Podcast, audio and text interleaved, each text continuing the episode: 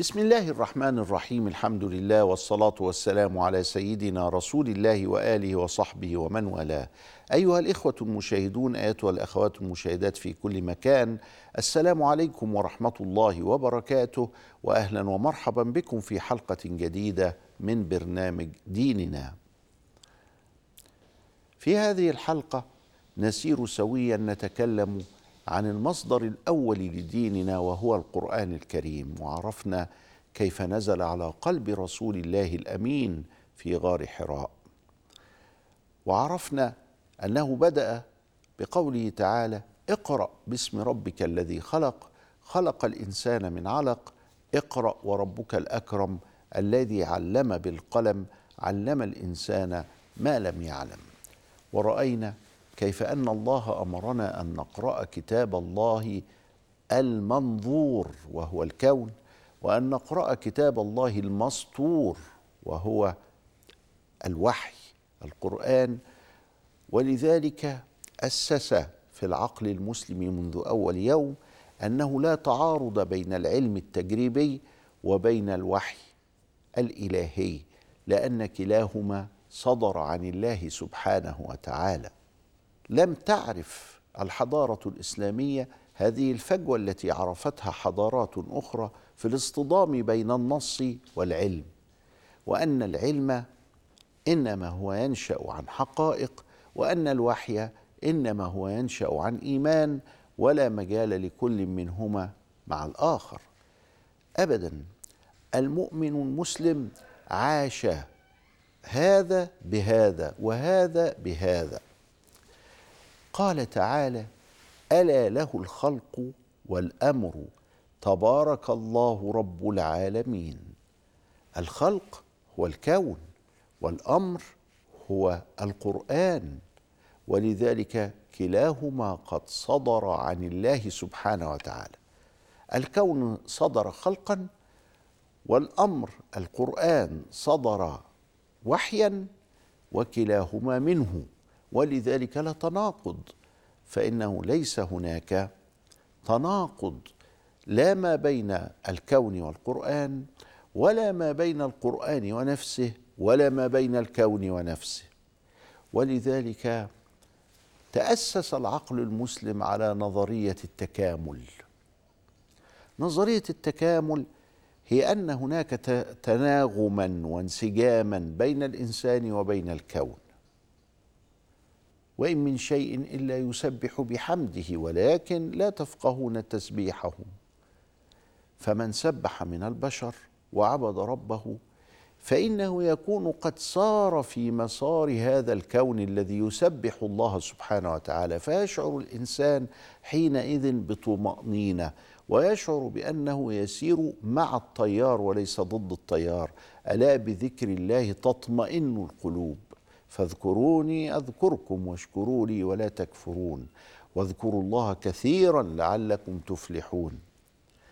بين لنا الله سبحانه وتعالى أن هذا الكون الذي حولنا من أنهار أو من أشجار أو من نجم أو من سماء أو من أرض أو من جبال أو من بحار أنه يعبد الله وأنه يسجد لله وأنه يسبح الله سبحانه وتعالى اتيا طوعا أو كرها قالت أتينا طائعين فالسماء والأرض اتت طائعه إلا أن الله ميز الإنسان بالعقل والتأمل والتدبر.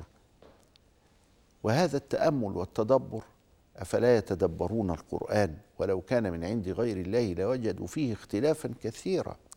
الذين يتفكرون في خلق السماوات والأرض الذين يذكرون الله قياما وقعودا وعلى جنوبهم ويتفكرون في خلق السماوات والأرض ربنا ما خلقت هذا باطلا سبحانك فقنا عذاب النار.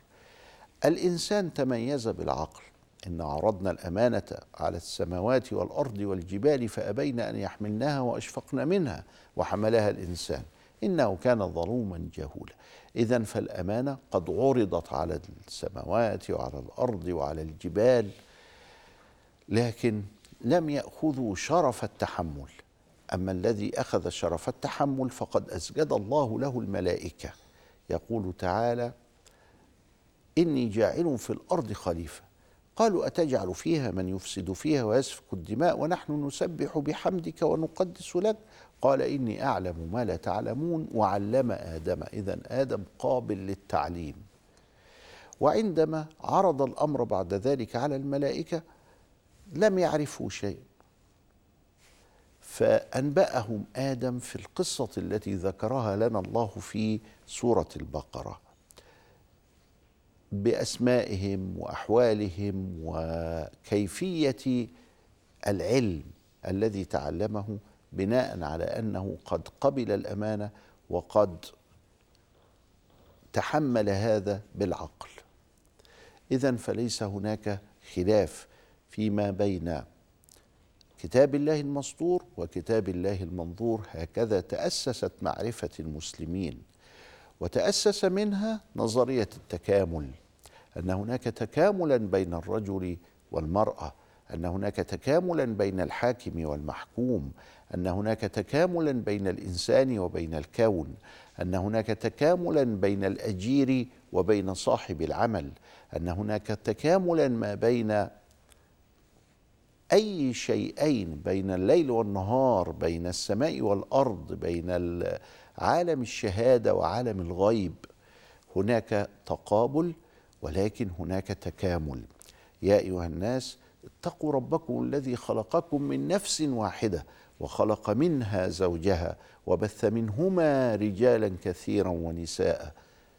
ليس مبنية على فكرة الصدام والصراع بين الإنسان وبين الكون أو بين الإنسان وبين الملائكة التي كانت تسمى في الأساطير اليونانية بالآلهة. ويذهب هرقل فينتصر على زيوس كبير الآلهة أشياء من هذا القبيل كلها مبنية على الصدام والنزاع وأن الأصل هو الصدام. لكن الذي عند المسلمين وفي عقلهم أن الأصل هو الوفاق وأن الأصل هو التكامل. فالله سبحانه وتعالى جعلنا شعوبا وقبائل لنتعارف لتعارفوا. إن أكرمكم عند الله أتقاكم وليس لتصارعوا. ولا لتنازعوا ولا لتصادموا فصدام الحضارات هذا الذي هو منشأ الفكر اليوناني ومنشأ الفكر بعد ذلك الغربي لم يكن موجودا أصلا في عقلية المسلمين. كان الذي هو موجود أن هناك تكاملا بين الكون وبين القرآن بين الرجل وبين المرأة كما رأينا في بدايات سورة النساء ولذلك أمر الله الرجل والمرأة أن يكمل بعضهم بعضا وأن يسأل الله من فضله. ولا تتمنوا ما فضل الله به بعضكم على بعض. للرجال نصيب مما اكتسبوا وللنساء نصيب مما اكتسبن. واسألوا الله من فضله. خلق الله الرجل على خصائص معينة ووظائف معينة وكلفه بمراكز قانونية معينة وخلق الله المرأة كذلك وكلف الاثنين أن يتعاونا وأن يتكاملا ليكونا دائرة واحدة. ولذلك لا يتمنى الرجل أن يكون امرأة للفضائل التي عند المرأة وأنه يخرج منها الحياة وأنها تخلق هذه الحياة بإذن الله سبحانه وتعالى. وتقوم بالرعاية والعناية لها ولا تتمنى المرأة أن تكون رجلا. ولذلك يأتي النبي صلى الله عليه وسلم ليوضح هذه الحقيقة فيقول لعن الله المتشبهين من الرجال بالنساء والمتشبهات من النساء بالرجال. ماذا نفعل؟ ابدا اسأل الله سبحانه وتعالى من فضله. فيدعو الرجل أن يوفقه الله سبحانه وتعالى فيما أقامه فيه وتدعو المرأة أن يوفقها الله سبحانه وتعالى فيما أقامها فيه. واسالوا الله من فضله. كل شخص هو يقوم بما أراده الله سبحانه وتعالى منه. هذا تأسيس لأول ما نزل من القرآن الكريم.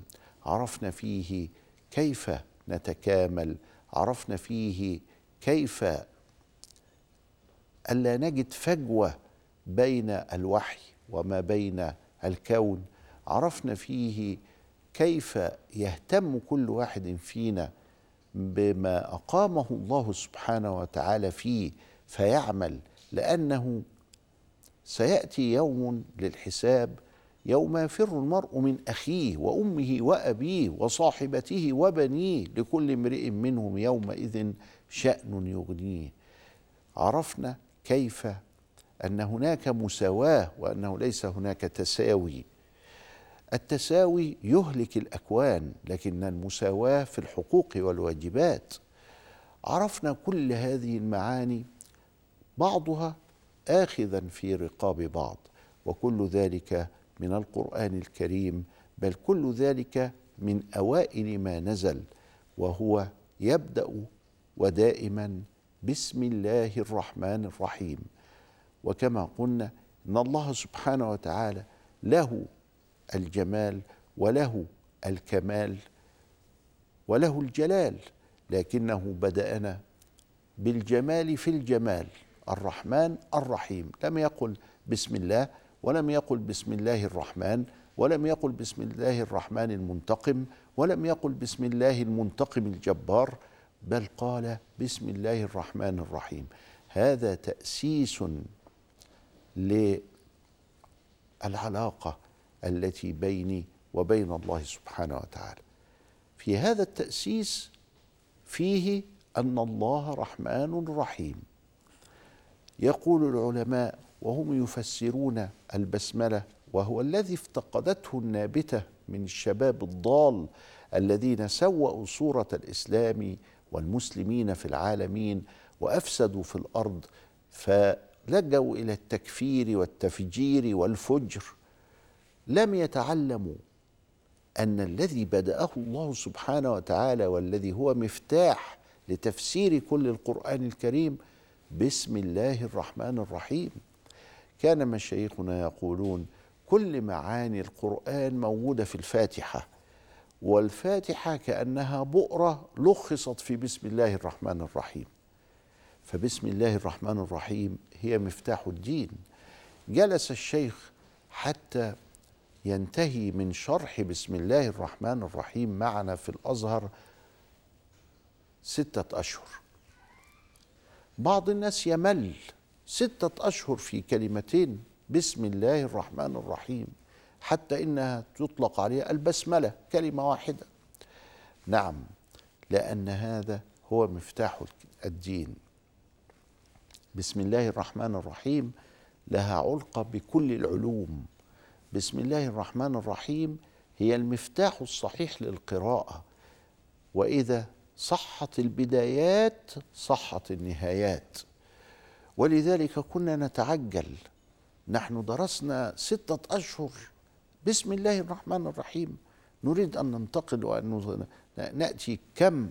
ولكن يبدو أن هذا المنهج هو المنهج الصحيح الذي عرفنا بعد ذلك لماذا لا يفهم هؤلاء النابتة كلام الله سبحانه وتعالى.